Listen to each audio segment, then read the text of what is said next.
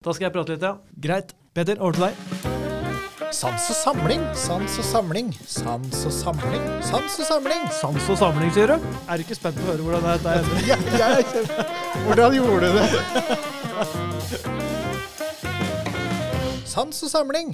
Ja, velkommen til uh, Sans og samling live fra Drammen bibliotek. Ikke Drammen teater, som jeg holdt på å si uh, når vi gikk gjennom uh, notatene. Uh, mitt navn er Peter Bøttinger, og jeg lager jo da Sans og samling, som er Vestfoldmuseenes egen podkast, sammen med da Eivind Thorsen. Så si velkommen til deg, da. Jo, tusen takk. Ja. Takk for det. Våpendrageren, som vi ble fant ut av. Ja. Ikke revolvermann. Nei, du sa revolvermann, så da måtte vi google litt, og det våpendrager Det var uttrykket vi- jeg var på jakt Ja. etter den gangen. Ja. Så vi begynner å ha lagd en del episoder nå. Vi har holdt på med podkast i tre år. Mm. Eh, så å finne på en ny måte å introdusere liksom podkasten på, da. Det er jo, blir jo en, eh, en prøvelse etter hvert. Å finne nye måter å gjøre det på.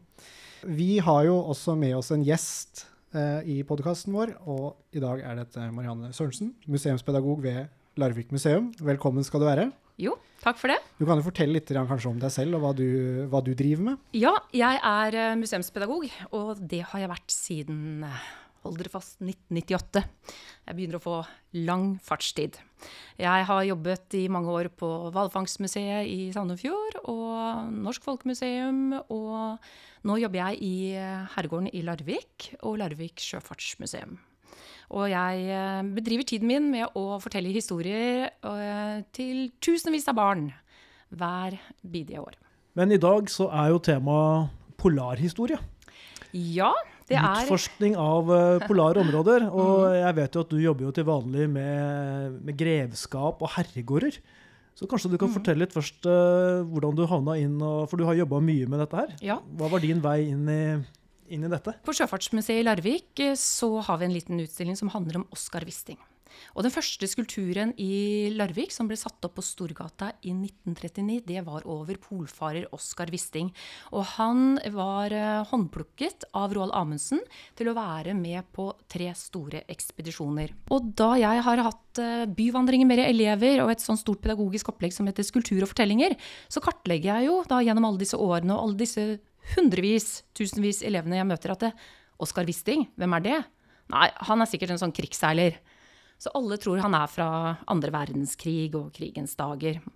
Og var en av de heltene der. Og det tenkte jeg at eh, sånn kan ikke, sånn kan det ikke være. Han har jo en utrolig spennende historie. Og i Larvik så ble jo også Polarskuta Fram tegnet av Colin Archer. Et steinkast fra Sjøfartsmuseet, altså på Tollerodden. Og så ble den bygget da i Rekkviksbukta og sto ferdig i 1892. Og i 1893 så dro den på tokt mot Nordpolen sammen med Fridtjof Nansen. Ja. Og så gikk det noen år, og så mm, fikk Amundsen eh, låne Polarskuta fram. Og han hadde lyst til å dra til Nordpolen og gjøre vitenskapelige undersøkelser. Og innerst inne være førstemann, for Nansen klarte ikke helt det. Og så ved en tilfeldighet så møtte Roald Amundsen Oskar Wisting i Horten da han var ansatt i, ansatt i Marinen. Og Oskar Wisting han var jo en vognmannssønn fra Larvik og kom fra veldig veldig enkle kår. Og for å gjøre en eh, lang historie kort, så møttes de da Roald Amundsen skulle prøve ut noen sånne manneløftende drager ute på en liten øy, Vealøs. Og Oskar Wisting fikk anledning til å være med på det. Manneløftende drager. Det Ja, det var en sånn vaier som, eh, med et sånt lite stolsete, og så var det noe Nå har jeg ikke noe bilde med meg, da, så det er jo litt vanskelig å forklare det. For jeg har jo ikke verken prøvd eller sett det. eh, For det var absolutt ingen suksess. Eh, Men det var i hvert fall en sånn ja, den gangens drone, da, hvis jeg kan si det sånn. Så man kom seg høyt opp i lufta og kunne da kartlegge farvannet, da, som var veldig viktig når man skulle opp i drivisen og så se hvilke råker man skulle seile igjennom. Eh, Oskar Wisting fikk prøve dette her, og han var en litt sjenert mann. Da, så når eh, hele dagen var over med disse eksperimentene, så skulle de inn til Horten, og så kommer Roald Amundsen opp til han og sier at eh, du Wisting, jeg hører at du er en bra mann. Kan du være med meg til Nordpolen og mønstre på Fram? Jeg trenger en altmulig mann. Og han ble jo helt forfær og litt paff. Han hadde jo kone og barn i Horten. Eh, Men eh, fikk jo ja da, fra Elise, så der og da ble han faktisk headhunta. Og det er det jeg syns er så spennende, at en mann som kom fra enkle kår. Han var kjent for å være en sterk kar, en eh, vognmannssønn. Eh, var eldst i en søskenflokk på 13, og som ble håndplukka av selveste Roald Amundsen. Og Roald Amundsen var da kjent fordi han hadde seilt Nordvestpassasjen med Gjøa. Så det er jo det jeg skal frem til. Men det var i hvert fall eh, formidlingen av Oskar Wisting og få øynene opp for han til alle elever i Larvik. Så ble jeg også såkalt kjent med de andre eh, polarfarerne som Amundsen hadde håndplukka, deriblant Helmer Hansen. Og jeg eh, har vært en god del i Vesterålen, har faktisk bodd der et år. Og begynte å lese Helmer Hansen, også fordi at Oskar Wisting eh, skrev mye positivt om han, og de to eh, ble veldig gode kamerater. Og, og, det er jo sånn når man drar til de stedene hvor disse polfarerne kommer fra, jeg vet ikke hva som skjer, men i hvert fall jeg biter på og blir veldig, veldig interessert. Og så har jeg vært en god del eh, på Svalbard, og også Ny-Ålesund. Og vært i eh, disse feltområdene. Ikke så mye ute i båt, da, men på scootertur, og det er da noe. Mm. eh, og så begynte jeg å lese Helmer Hansen, og sånn han skriver, det er så fortellende og fint, og det talte så til meg. Og Helmer Hansen han eh, var født eh, i Bjørnskinn, som ligger på Andøya, i 1870. 24.9.1870 kom han til verden. Og han var også eldst i en barneflokk. De var ganske mange, de òg, 13-14 stykker. Han drev med lofotfiske og vinterfiske i Vesterålen og fiske på Finnmarka. Og så Eh, utdannet, eh, utdannet, han seg som styremann. Og i 1897 så var han ved en tilfeldighet nede i Sandefjord, på Framnes verft. Og der fikk han høre at Roald Amundsen eh, han skulle dra av gårde med en skute som heter Belgica, og de skulle til Antarktis. Og var det noe Helmer Hansen hadde så lyst til, så var det å dra til polarområdene, enten Nordpolen eller eh, Sydpolen. Og så dro han ned til Framnes, og så sirklet han rundt eh, Belgica der. og spurte pent om å få komme om bord, og så fikk han møte eh, Roald Amundsen. Og det hadde seg. Hvem var Amundsen da på det tidspunktet? For han er jo kjent for mest, altså, å være førstemann på Sydpolen. Ja. Men var han en slags sånn kjendis? Allerede ja, det hadde gått uh, nyss om at han skulle være med på den ekspedisjonen. Og det var jo ikke så mange ekspedisjoner fra Norge på den tiden. Det var jo mest engelskmenn og andre som dro ned. For Antarktis var jo ikke Altså, ingen hadde vært på Sydpolen før. Og, og heller ingen hadde vært på Nordpolen akkurat da. Og dette her var i 1897.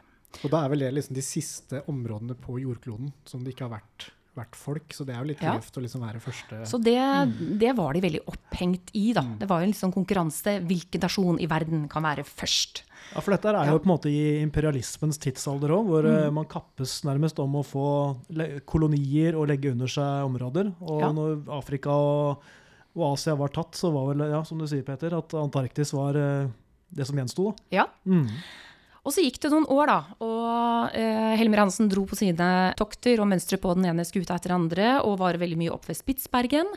Og så i um, Tidlig på 1900-tallet så uh, ville Roald Amundsen, da han kommet vel tilbake og hadde fått de erfaringene med å være i, i polarområdene uh, og i Antarktis, så ville han seile Nordvestpassasjen. For det hadde veldig mange nasjoner prøvd å, å seile igjennom uten å lykkes. Nordvestpassasjen.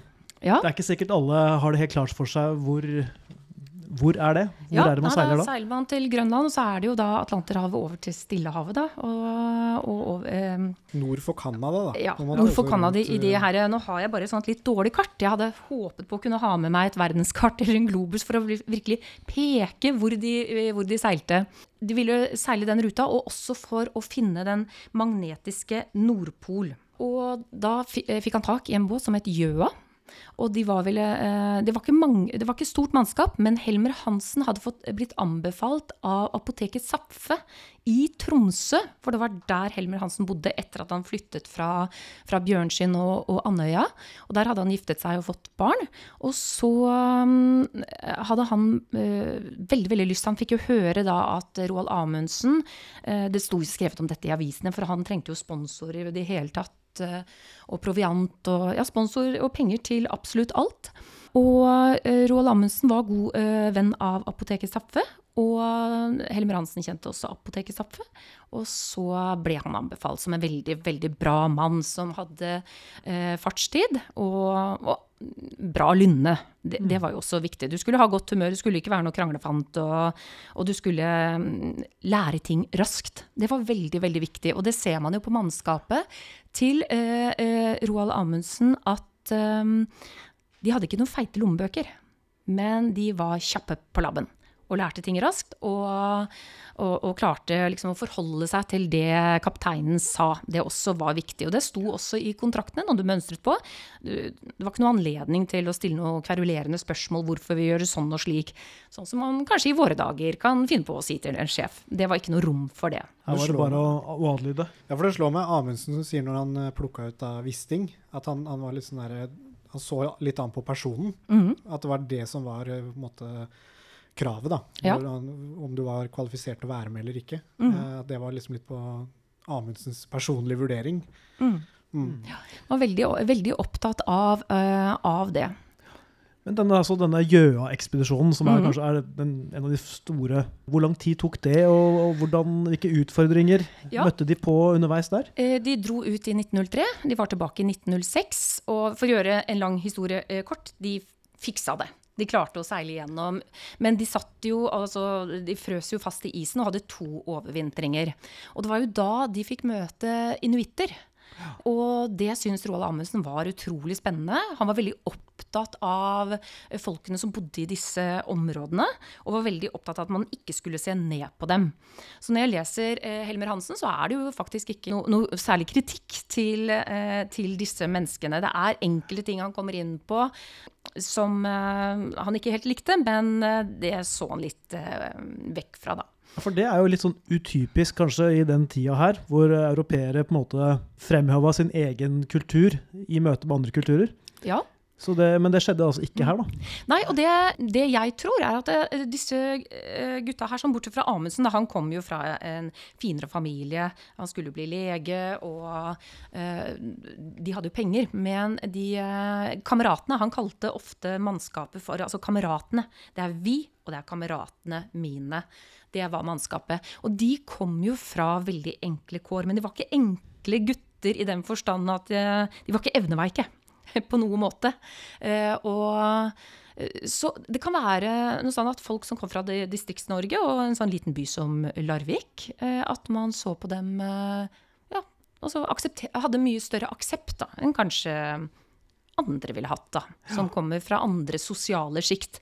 Men det har jeg ikke forsket noe på, så jeg skal ikke være skråsikker på det. Men det er bare noe som slår meg, siden han prater veldig varmt om, om inuittene. Det er klart, eh, de, det kommer jeg jo litt inn på når jeg skal fortelle om Nordøstpassasjen. Eh, russerne eh, og tsjutsjerne som de møtte der, de var de litt mer skeptiske til. Og det var litt andre grunner som jeg skal fortelle, fortelle mm. mer om. Men når de møtte inuittene og overvintret sammen med dem og eh, fikk dem som gode venner, så lærte de bl.a. det å eh, lukte etter sel i et um, sånn pustehull til selen på isen. De lærte å bruke altså hundesleder. Og det hadde jo ikke Helmer Hansen gjort på Andøya. Der er jeg lite hundesleder. Jeg har i hvert fall ikke vært borti det. Og så ble de jo kjent med dem og lærte av dem. Og han lærte også å, å bygge snøhus, da, som han kaller det, igloer. Og ble kjempegod på det. Mm. Virkelig sånn helt spesialist på akkurat det. Og det dro jo Roald Amundsen nytte av. Men den der, denne ekspedisjonen da, som da ble jo en kjempesuksess. Han ble jo den første som klarte å seile denne distansen. Mm. Eh, så sa, nevnte du at de hadde overvintra mm. to vintre. Ja. Frysende isen, kanskje, mm. skipet. skipet. Så tenker jeg på sånne forsyninger og sånne ting. Altså, Hvordan overlever man da to vintre? Ja. Var det på en måte at det tvang fram eh, at de måtte forholde seg til inuittene? Mm. Eh, de måtte vel skaffe mat? Ja. Eller var det planlagt at de skulle være frysende to vintre? Eller? Nei, det Vel, tja. Eh, kanskje bare én vinter. Men de hadde med seg mye proviant. Men så tror jeg nok altså Amundsen var veldig opptatt av å lære av dem. Hvordan kan de bo der oppe? Hva spiser en inuitt? Og så lærte de å jakte av dem, og det er jo klart det var jo reinsdyr, og det var ryper. Eh, og sel. Noe hval fikk de tak i, men det er jo klart eh, det Eh, de drev ikke noe hvalfangst, men det er jo særlig selkjøtt. Og det, fersk selkjøtt inneholder også veldig mye C-vitaminer. Så da mm, slapp man denne skjørbuken som tok innersvingen på veldig mange, mange sjøfolk.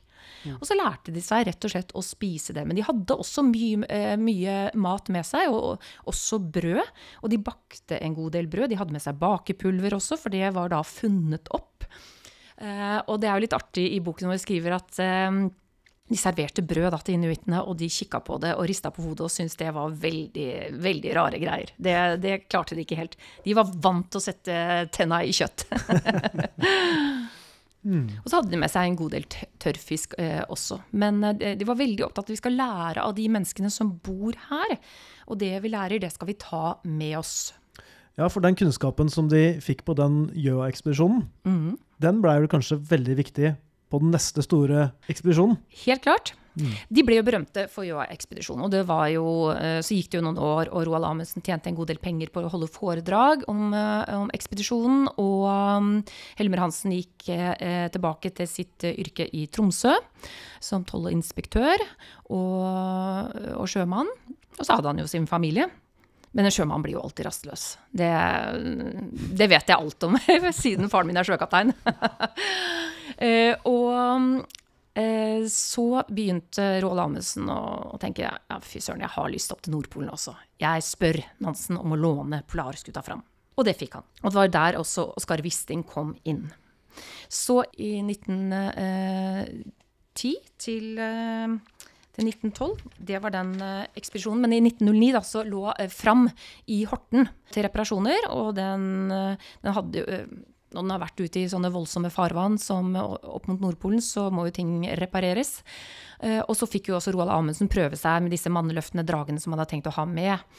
Eh, men i 1910 så var alt klart, og han hadde fulgt låne fram annonsen og den norske stat, og fått kongens velsignelse, hadde jeg nær sagt, eh, og hadde alle eh, sponsormidler på plass, og også proviant. da. Det var jo enormt mye som de hadde med seg, ikke minst sjokolade og kjeks. Sjokoladesuppe er jo en gjenganger på Sydpolferden. Og så øh, mønstret de på 19 øh, mannfolk som var uh, håndplukket. Uh, og det var snekkere, og det var alt mulig menn. Og det var jo Lindstrøm, kokken som ble berømt for sine hotcakes. Som jeg har veldig nært uh, kjennskap til fordi jeg har hatt et pedagogisk opplegg som heter Hotcakes i isen. Hvor jeg har, for å rett og slett få Gni polarhistorien din. Det ja. hørtes litt voldsomt ut, men jeg har vært så ivrig på at alle elever skal bli kjent med disse polarfarerne som gjorde så mye bra, som vi kan lære så mye av. Bli matet med polarhistorien? Ja, rett og slett. Eh, så har jeg vært ute i skolen og vi har lagd hotcakes som Helmer Hansen snakker om, Oskar Wisting, Amundsen, som er tykke amerikanske pannekaker med marmelade. Så det hadde de også da, i tillegg til veldig mye selkjøtt og reinsdyrkjøtt. Men så eh, er det jo da Nordpolen som alle tror de skal til. Og ja. de har jo skrevet en kontrakt. Ja, for dette er, det demrer at eh, de tror de skal til Nordpolen, men så skjer det noe her. Ja. Eh, og det får de jo vite litt senere, etter at de har vært på farta. Men de hadde jo skrevet i denne kontrakten at det er ikke lov til å stille spørsmål. Det er ikke aktuelt. Det, det er rett og slett fy-fy. For da kunne du bli satt på land. Altså, Roald Amundsen var han visste hva han ville, han visste hvor skapet skulle stå. Så, så lenge man bare forholdt seg til det han uh, sa og befalte og ga ordre om, så gikk alt greit. Ja da, så drar de av gårde, da. Det var jo på sommeren eh, 1910. Og så må de innom Uranienborg da for å um, hente et uh, hus som uh, Et observasjonshus, som Roald Amundsen kaller det. Og Helmer Hansen kan jo ikke fatte og forstå hvorfor de skal ha med seg et observasjonshus opp til Nordpolen til drivisen. Og aldri i livet, skriver han her i boken, at uh, om han skal ligge i et sånt hus og drive av sted, nei, da ligger han heller i sin sovepose utenfor huset, så han har full kontroll. Og det huset hadde flere køyer, og det var kjøkken, og det var åtte meter langt og fem meter bredt, så det var jo størrelse på det hele. Det var til og med voksduk på bordet. Og fullt utrustet eh, kjøkken, da. Men, men. Det sto noe der, og så tok de det ned og merket alle husdelene og om bord.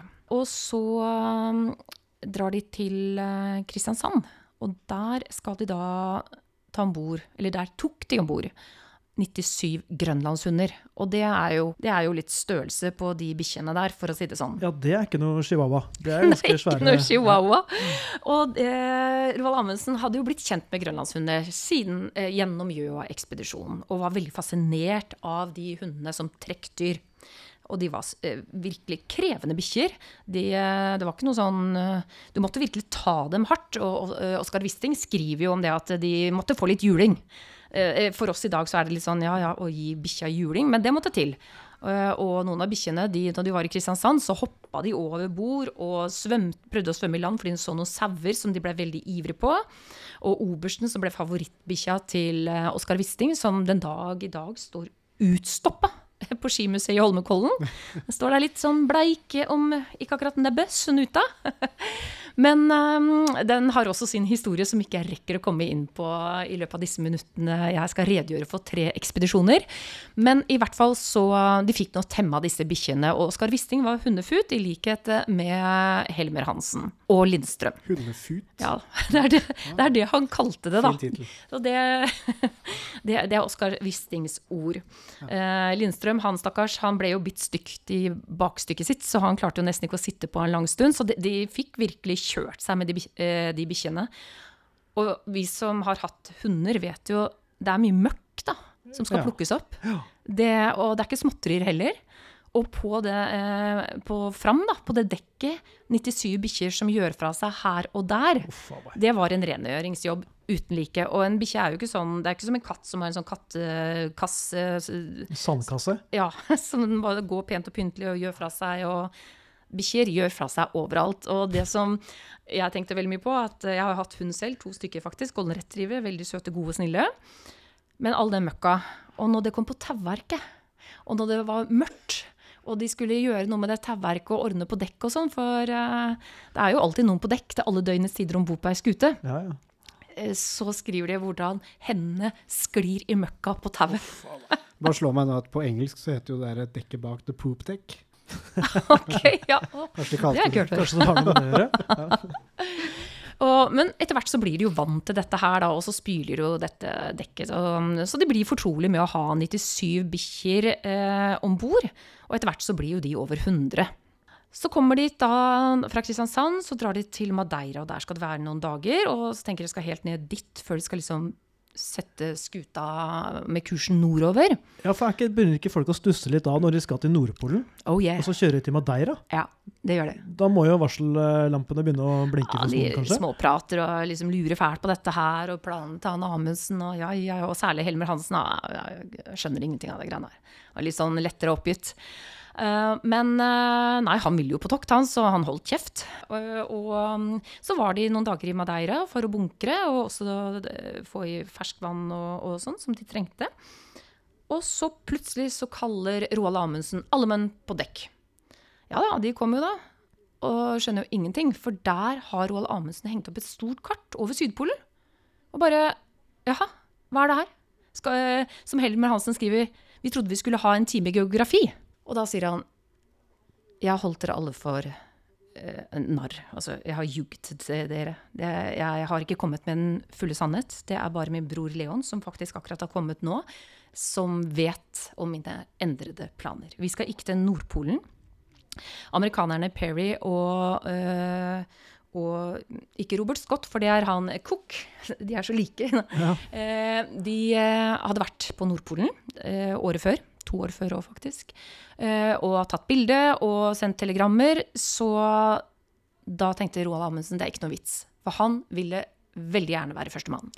Ja, så det var, liksom, det var gullmedalje. Det var Ja. eh, Å være andremann, Ja. det var ikke Ikke aktuelt for Roald Amundsen og alle disse her eh, undersøkelsene de skulle, skulle gjøre og sånne ting. Det, han var ikke så interessert i det.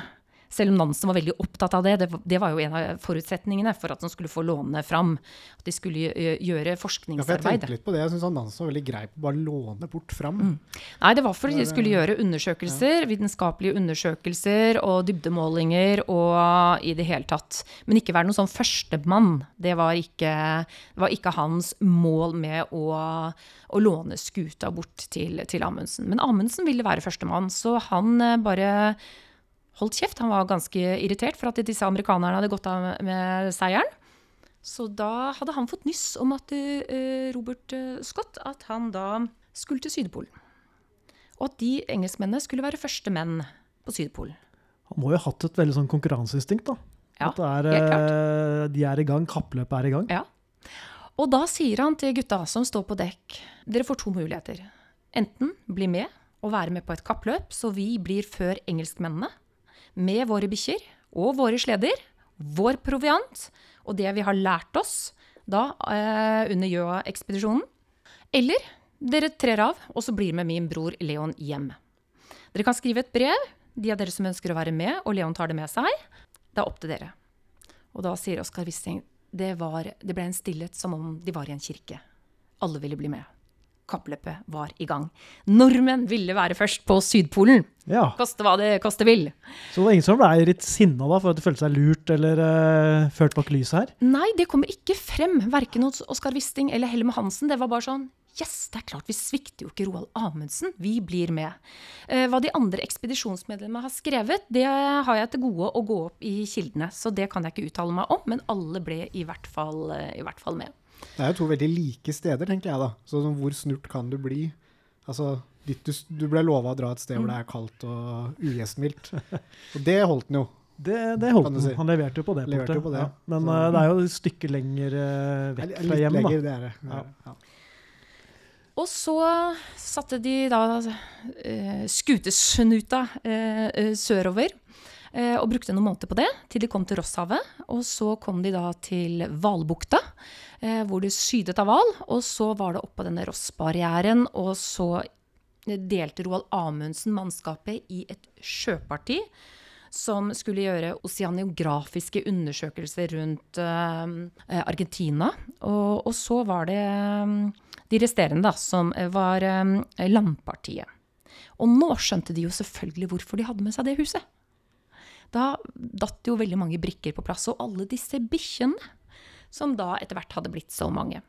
Så etablerte de eh, seg på eh, et sted som de kalte Framheim. Satte opp huset, brukte mange dager på det. eh, Og satte opp 17 telt som skulle være provianttelt, og det skulle være bikkjetelt. Og mange av tispene fikk jo valper. Det var viktig å skille tispene fra hannhundene. For altså grønlandshund er en veldig voldsom rase. De kan, er de sultne nok, så kaster de, over, kaster de seg over en hundevalp og spiser den opp. Derfor måtte det være sånn veldig strengt og, og de, eh, adskilt. Og Oskar Wisting og Helmer Hansen og et par andre fikk jo da ansvaret for disse bikkjene. For det var jo mange å holde styr på. Én mann kunne jo ikke se til over 100 bikkjer. Men trengte de så mange bikkjer, da? 100? Ja, for eh, det var også proviant. Ah. Når de skulle sette inn støtet mot Sydpolen. Og så var de da De kom ned eh, i januar måned eh, 1911. Og så begynte de å legge ut depot, og så kom jo vinteren i Antarktis i april. Og så blir det vår da i oktober, for det er jo Men legge ut depoter, hva, Mm. hva menes med det? At de Depot det er å legge ut mat til bikkjer og til mennene selv når de skulle eh, sette støtet inn. De kunne ikke ha eh, mot Sydpolen, for de kunne ikke ha så tunge sleder. Så det gikk jo liksom fram og tilbake. Tre deboer på 80, 81 grad og 82 grad. Og de slet jo veldig, for at det var jo voldsomme stormer der nede, og de var jo, de var jo ikke så trent til dette her. De, de hadde jo ikke øvd uh, så mye, men allikevel så klarte de det. Og det tror jeg er pga. Altså kostholdet og hva de hadde lært av inuittene. Og at de hadde med seg håndverkere også, som hele tiden jobbet med skiene for å høvle de så tynne som overhodet mulig, og så meine på, på sledene. Og når de kom eh, på Framheim, i tillegg til disse teltene, i tillegg til selve huset, så gravde de da huler under bakken og hadde egne arbeidsrom og verksteder. Til og med en liten badstue hadde de der. Oskar Wisting han fikk sin egen systue. Han hadde jo ikke lært å sy. Det var ikke vanlig for mannfolk å sy da hvis man ikke var skredder. Og det var han ikke. Han var vognmannssønn, og han var utdannet i marinen. Men det klarte han. Lett som bare det. Og grunnen til at han eh, måtte være så nøye med dette vindtøyet, da, det var at det, mange Altså, de var jo fabrikkert. De var jo ikke håndsydd alle sammen, men sømmene gnagde så på huden. Og man kunne ikke ha noen ting som gnagde, for da ble man sår. Og blir du sår i den tørre, iskalde lufta Vi snakker jo om 30-40-50 minusgrader. Da går det riktig, riktig ille. Og forfrysninger det opplevde de jo.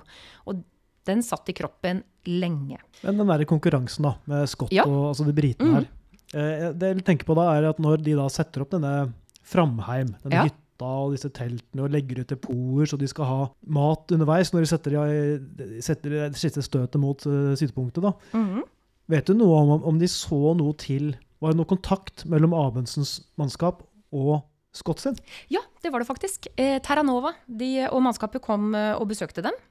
Eh, men da var ikke Robert Scott med, så det var bare mannskap. Og de ble tatt vel imot, og de syntes hotcakes var veldig godt.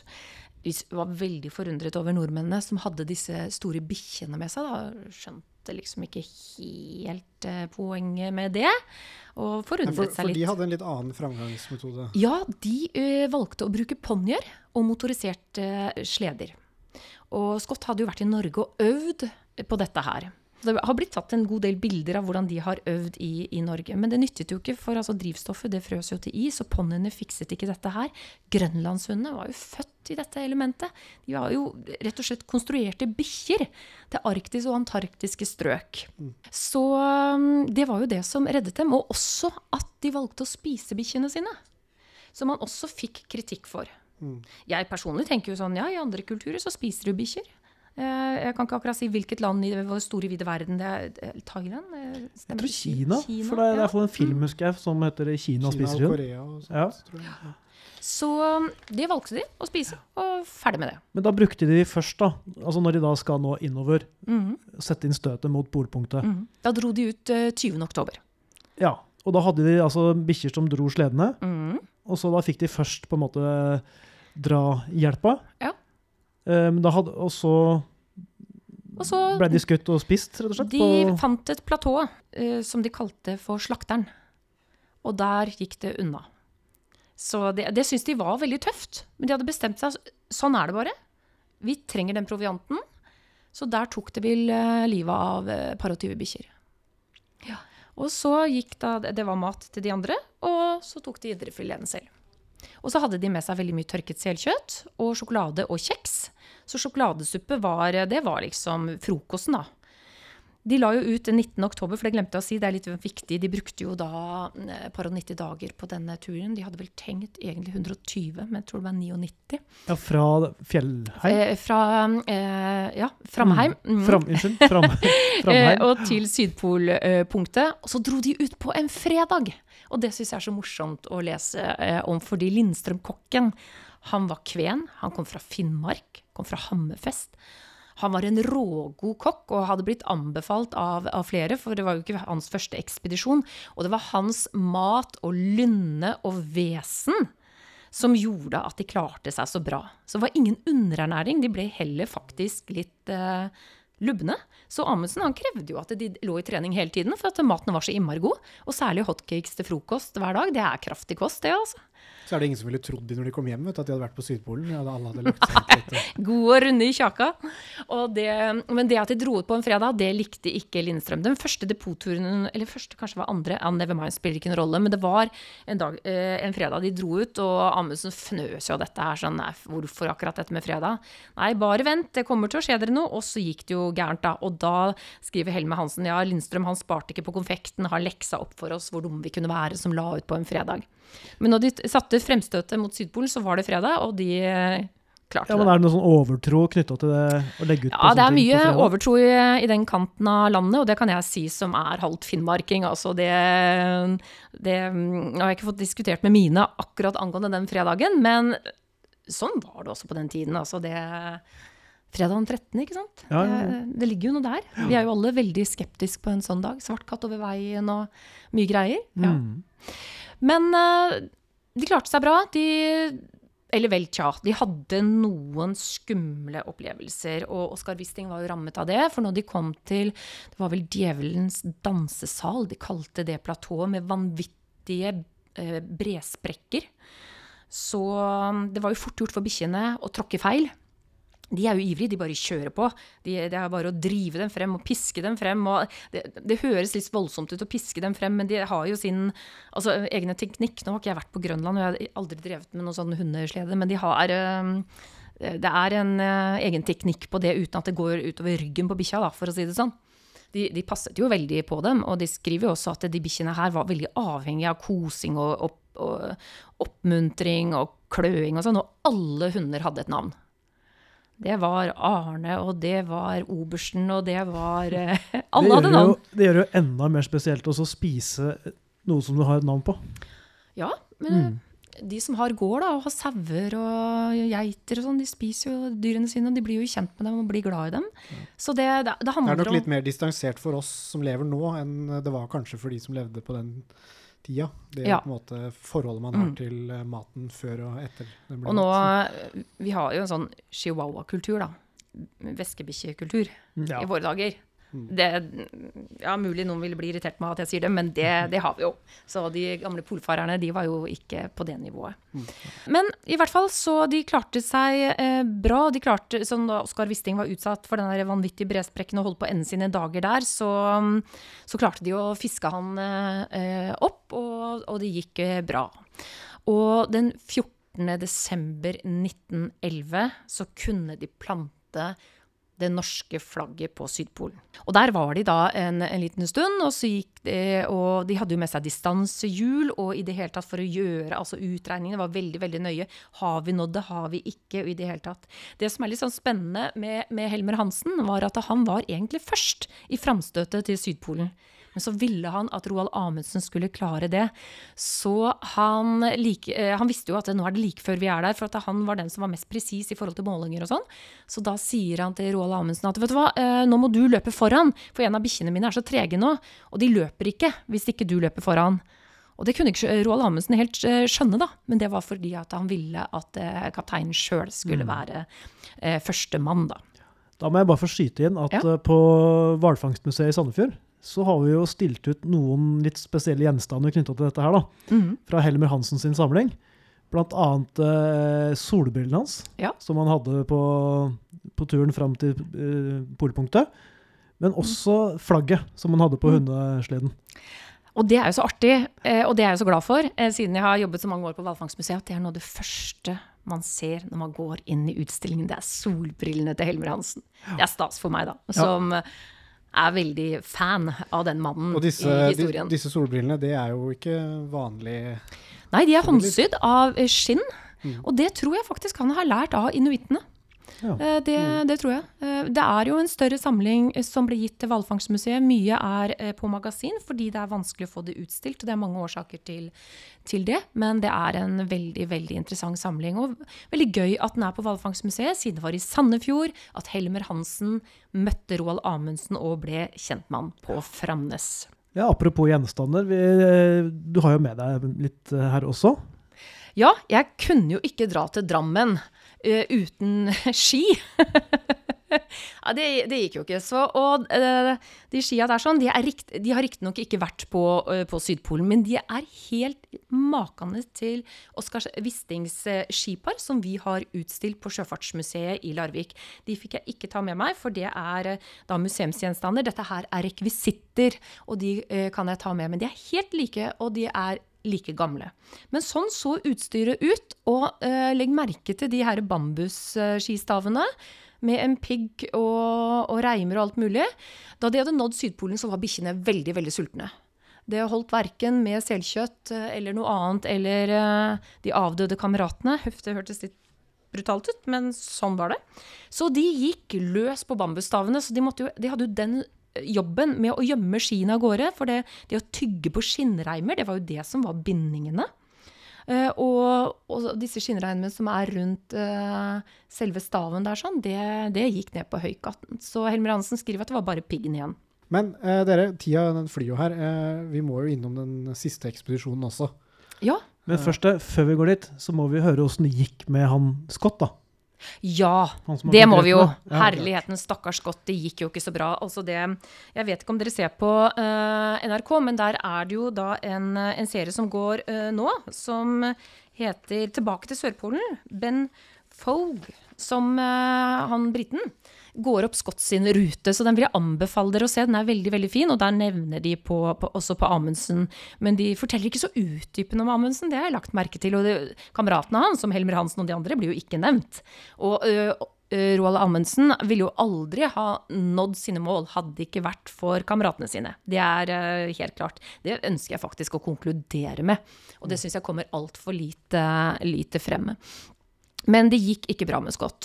For ponniene døde, og, og de, de her sledene som var motoriserte, drivstoffet frøs til is, og det kollapset. Det taklet ikke dette her. Og så spiste de helt annerledes. De spiste i hvert fall ikke bikkjer. Hvor mye selkjøtt de spiste, det vet jeg ikke, men det var De drakk mye te. Roald Amundsen drakk sjokolade. Han var jo sponset med Freia kokesjokolade. Og det er så morsomt. Går dere i butikken nå Jeg, jeg er ikke sponset, altså bare så det er sagt. Jeg vil bare få presisert det. Men jeg må markedsføre da Freia kokesjokolade. For bak da, på kokesjokoladen, så er det bilde av Helmer Hansen, Roald Amundsen, Oskar Wisting, Olav Bjaaland og Sverre Hassel som står ved det lille teltet på Sydpolen og har satt det norske flagget opp. Og så står det eh, Roald Amundsen beskrivelse av hvorfor sjokolade var altså så Det var rene gudedrikken! Og det er mye næring i sjokolade, derfor eh, spiste de det. Mm. Så det har noe å si med kostholdet, og det var skjørbuk som tok innersvingen på Scott og hans menn. Enda de var jo langt flere enn en mannskapet til, til Amundsen, men de gikk dukken, dessverre. Mm. Så når de så ene, et av de siste depotene som var merket med bambusstang og sort flagg, så skjønte de ok, nordmennene har vært her. Så slaget var tapt. Og det var jo gøy, da. For vår lille nasjon. Ja, dette er jo eh, kort tid etter Norge er blitt en uavhengig nasjon fra Sverige. Ja. Så det er en del av nasjonsbyggingen også. Absolutt. Og at det var karer fra Distrikts-Norge som kom fra enkle kår, som hjalp til pga. deres ferdigheter. Fordi at de lyttet og lærte av eh, andre kulturer, så klarte de dette her. Mm. Og det, det syns jeg Når jeg formidler dette til elever, så er jeg veldig, veldig opptatt av Du trenger ikke å ha feit lommebok. Mamma og pappa trenger ikke å sponse deg. Du må bli god selv i noe, så når du dine mål, altså. Det, det ønsker jeg. Og det gnir jeg litt inn. Når jeg fòrer det med hotcakes, så går det rett inn. Eh, så bra. Og da, altså, vi må bare hoppe litt videre til den, så vi får nevnt den siste ekspedisjonen også. For ja. Amundsen og, og, karene de kommer jo tilbake til Norge. Ja. Eh, og, men de slår seg ikke til ro med det. Nei, en sjømann blir alltid rastløs, og han ønsket jo å, å, å prøve å seile Nordøstpassasjen, da og, og, komme den sjøveien da til Asia. Og det er jo å seile i Sibir-områdene. Og så drive derifra over til Polhavet. Så da fikk han eh, bygget eh, Maud. Den ble bygget i, i, Asker, og dette her var i 1918. Og det var jo en lang ekspedisjon, den varte helt til 1925. Helmer Hansen var ikke med alle de årene. Men han fikk seile kaptein. Og uh, Oskar Wisting var da førstestyrmann. Og så var det andre håndplukka karer som uh, og, og, også Otto Sverdrup, som da uh, skulle studere altså de tutsjerne, de litt vanskelig å uttale. Det er mulig at jeg sier det litt feil. Ja, det, det, skrives veldig veldig spesielt, men jeg, jeg, sier det på den måten. Folk i Sibir. det går sikkert bra. Ja. Uh, og jeg har jo aldri vært oppi der. Jeg har jo bare seilt i disse områdene gjennom uh, bøkene som er skrevet, og biografiene. Men det er jo veldig interessant også lese uh, møtene med, eh, med, disse menneskene som bor i disse, disse områdene. Men de, reiser, eh, de, får jo bygget Maud, og de skal jo da seile eh, der oppe og, og fryse fast. Det visste de jo når de dro av, av sted. Men da var det veldig mange ting som hendte under den ekspedisjonen. Uh, Roald Amundsen han skadet seg også ganske stygt. Han falt ned fra rekka og knuste nesten hele skulderen. Eh, og, og, de måtte jo overvintre i noe som de døpte om til Maud-havn. Så der var de da eh, gjennom hele vinteren og gjorde eh, diverse undersøkelser og tok sledeturer og besøkte folk og ble kjent med, med russerne, handelsfolk og, og, andre som livnærte seg da med reinsdyr, jakt, fiske. Eh, og de fikk anledning til å bo litt sammen med dem. Men der, jeg, der leser jeg hos Helmer Hansen at han er litt skeptisk til disse menneskene. Mange av de var veldig gjestfrie. Men han stilte litt sånn spørsmålstegn i forhold til renslighet eh, og bikkjehold. Uh, Istedenfor å vaske tallerkenene, så får bikkjene lov til å slikke tallerkenene rene. Og det syns han var litt sånn Det har han ikke sans for. Og så var det at de drakk mye alkohol. Og det var jo greit nok. Det var ikke det at eh, mannskapet til Amundsen var noe avholds. Absolutt ikke. Men de var måteholdne, og de var veldig opptatt av å ha en struktur på dagen. Nytter ikke å sitte der og pimpe brennevin til uh, tidlig morgen og sove hele dagen, når de hadde et stykke arbeid og arbeidsoppgaver å utføre. Ja, så det er ikke like positiv til uh, urbefolkningen da, som Nei. man møtte i forhold til Mm. inuittene og møtte på Gjøa-ekspedisjonen. Ja. Mm. Nei, det, var, eh, det var særlig det, den der eh, alkoholen som eh, enkelte av dem, ikke alle, absolutt ikke, altså, som de var litt gode på, for å si det rett ut. Roald Amundsen hadde det uhellet med skulderen sin, og så holdt han også på å bli drept av en isbjørn. Det, det var en isbjørn som eh, løp etter en av bikkjene. Jeg tror den het Jakob, hvis ikke jeg husker feil. Men spiller ikke noen rolle. En, ikke isbjørnen. ikke isbjørnen. den var ikke, jeg hadde ikke fått navn. Eh, og så eh, går han ned på isen, og så blir han angrepet av en isbjørn. Og så kommer Oskar Wisting og klarer å hjelpe han og prøver å skyte, skyte isbjørnen. Han bommer visstnok, så det er en av de andre som får til det. Og den isbjørnen, den er visstnok De tok vare på skinnet, så jeg, jeg mener å huske at den eh, ble tatt med hjem til Uranienborg og til hjemmet til, til Amundsen. Men han fikk jo veldig stygge eh, merker på ryggen sin. Og eh, Helmer Hansen skriver ja, de merkene gikk helt ned til den um, sprekken hvor ryggen får et annet navn, skriver han. Torde ikke å skrive baken, liksom. og det er litt, litt artig. Men Roald Amundsen hadde overdreven tro på å bruke faktisk isbjørner som trekkdyr, og han fikk også en isbjørn i gave. En bitte liten unge som han kalte Marie. Og han ble veldig glad i Marie, og det er en liten fotosamling av han og Marie og andre som driver koser og duller med den lille skapningen. Men så vekkes rovdyret i lille Marie, og hun begynner å bite etter han i ansiktet og etter hendene, og da blir Roald Amundsen irritert. Så til slutt så er det sånn eh, kloroform, er det ikke det det heter? Som man Jo, jo. avliver er ikke så, Husker bare det fra sånn krimmen på 80-tallet. Eh, Men eh, den står nå den dag i dag utstoppet eh, i stua til Roald Amundsen. Lille Marie. Dere, tida den flyr fra oss. Den oh, ja. går veldig fort. Vi har skravla i lange tider. Ja, nå er vi ved vår eh, tilmålte tid er, eh, er ferdig. Men vi kan jo bare, før vi Altså, denne nordøstpassasjen, han lykkes han. Ja, altså han går jo konkurs, og det er mye greier som skjer. Og eh, Helmer Hansen og han ja, det blir noen uoverstemmelser, så Helmer Hansen gir seg tidligere. Eh, Maud er jo in, tilbake til Norge. Den, eh, den kom som et vrak for noen år siden inn i Larviksfjorden og er nå videre. Men eh, det, det var mye som skjedde, så det var ikke den ekspedisjonen som var eh, full eh, seier i livet eh, på Amundsen. Det var med luftskipet Norge. Men det som var så spennende med Helmer Hansen, er at han klarte å gjennomføre en sledetur på 4000 eh, km, og den varte et halvt år, og det hadde ingen klart da. Og det var for å levere noen telegrammer og brev for Roald Amundsen. Det får bli tema i en ny episode av Sans og samling. Absolutt. Eh, Marianne, takk for at du kom og fortalte om eh, disse polare heltene. Må vi kalle de, da. Med Ja. alle de bragdene de har fått til. Tre ekspedisjoner i korte trekk. Det er mye, mye mer om disse turene. Da sier vi også takk til eh, publikum her i eh, Drammen bibliotek. Og takk for oss Takk for for denne oss. gangen. Du har nettopp hørt en podkastepisode fra Vestfoldmuseene. Denne episoden er laget av Peter Bøttinger, Eivind Thorsen og Jon Anders Øyre Bjerre.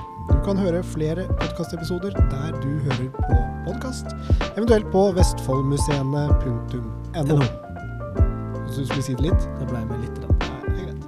Har du spørsmål til oss, send oss en e-post på kommunikasjon krøllalfa vestfoldmuseene.no. NO.